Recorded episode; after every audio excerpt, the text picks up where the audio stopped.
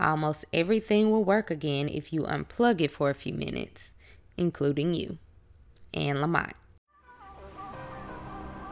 This is Courtney Mason, and this is the Millennial Dreamers Podcast.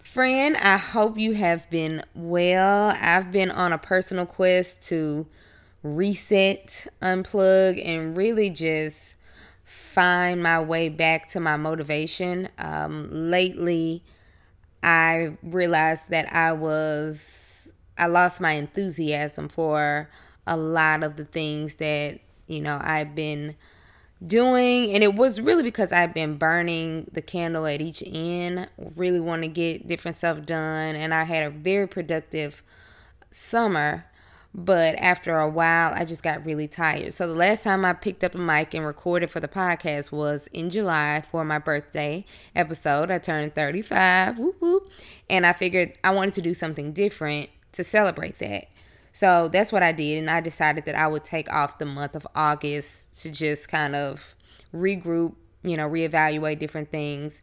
And uh, then September rolled around and I had to take that month off as well.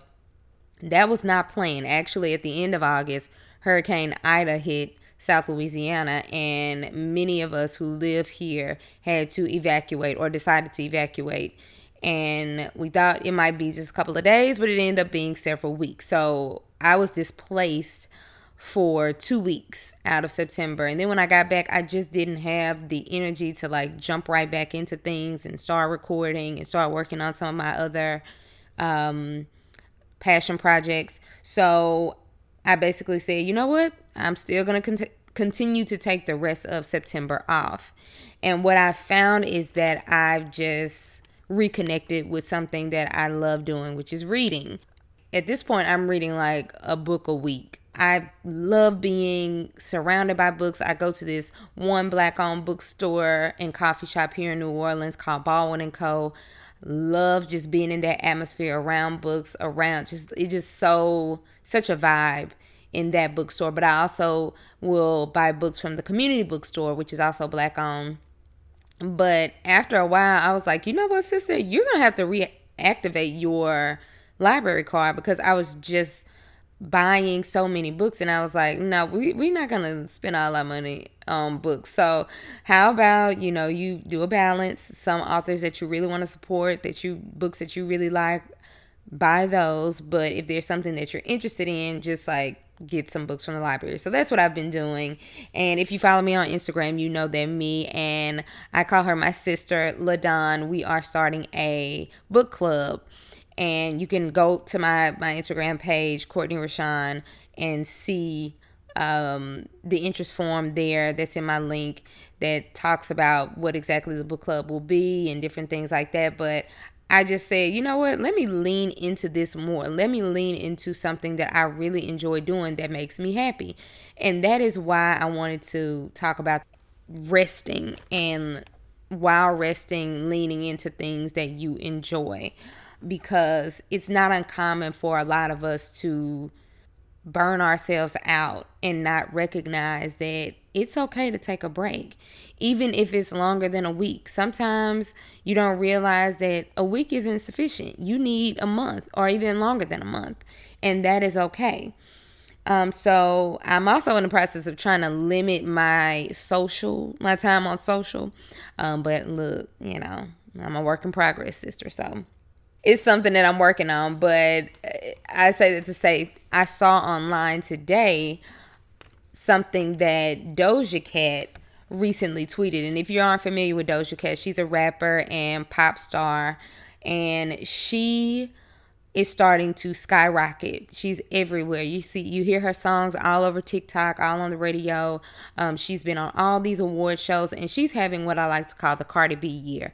I don't know if you've remember, like I think it was in 2016 or 2017, Cardi B was everywhere. She had I think that was the year that she had Bodak Yellow out on the radio, or um, the year immediately after that one, because that was on the Billboard charts for a while.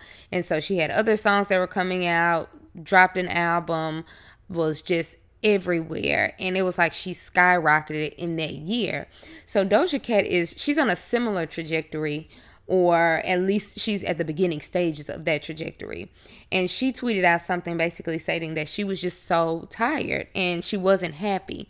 Everyone thinks like, "Oh my gosh, look at your career, you're doing all these things. Of course you're happy. Of course you should, you know, you're making a lot of money. You're living the dream, obviously, aren't you? Is isn't that what you're doing all this for?" And she basically explained that she was done saying yes and she said, you know, I'm, I'm paraphrasing here for the most part, but she said, I'm done saying yes to folks because I can't even get a week to just chill and do nothing. I'm never not working. And she basically said that it was her own fault because she was agreeing to do things that she didn't want to do. And at this point, she was so tired that she couldn't, or she is so tired that she has not been able to put all of her effort into the things that she's doing because she's just so run down. And a lot of people were saying, well, you know, she knew the industry she got into, so you know, she should be understanding of that. And I push I would push back on that and say that it doesn't matter what our profession is or what industry we are part of. Any of us at any point we can say, you know, I need to rest. We are human beings. We are not machines. We're not meant to constantly work, work, work, work for a dollar and that is kind of what the the expectation is now no matter what you do whatever job you're on now that you go to the expectation is you're just going to get up bust your butt so you can make money so you can live and survive sure we have to make a living but at some point when do you say enough is enough? I have to rest. So there are people who won't even take time that is you know contractually you're allowed to do. You have pto at work but you will skip out on taking your PTO because you don't want to look bad for taking time off or going on a vacation. If you have two weeks of vacation, take a couple of days at some point, take the other couple of days, maybe take a long week vacation. Use your PTO. You deserve to rest. That's something that we have to get out of thinking that we aren't deserving of a break and that in order to you know get the the dream that we have that it means compromising ourselves and our bodies for the sake of grinding and hustling and all of that. And sure hard work is fine. We have to you know make sure we put in effort but do so realistically.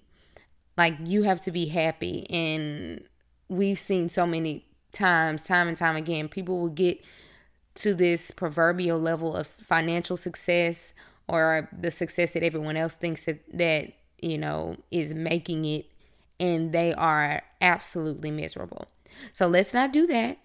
We are leaning into the things that we enjoy doing, whether you like to read, whether you like to run, whether you like to do some type of physical activity or not, visit family, travel, whatever you like to do, lean into that. Because what good are we if we get all the riches in the world and we can't enjoy it? So, I just wanted to leave you with that message, and I am so excited and happy to be back in your earbuds. So, until next time, friends, peace.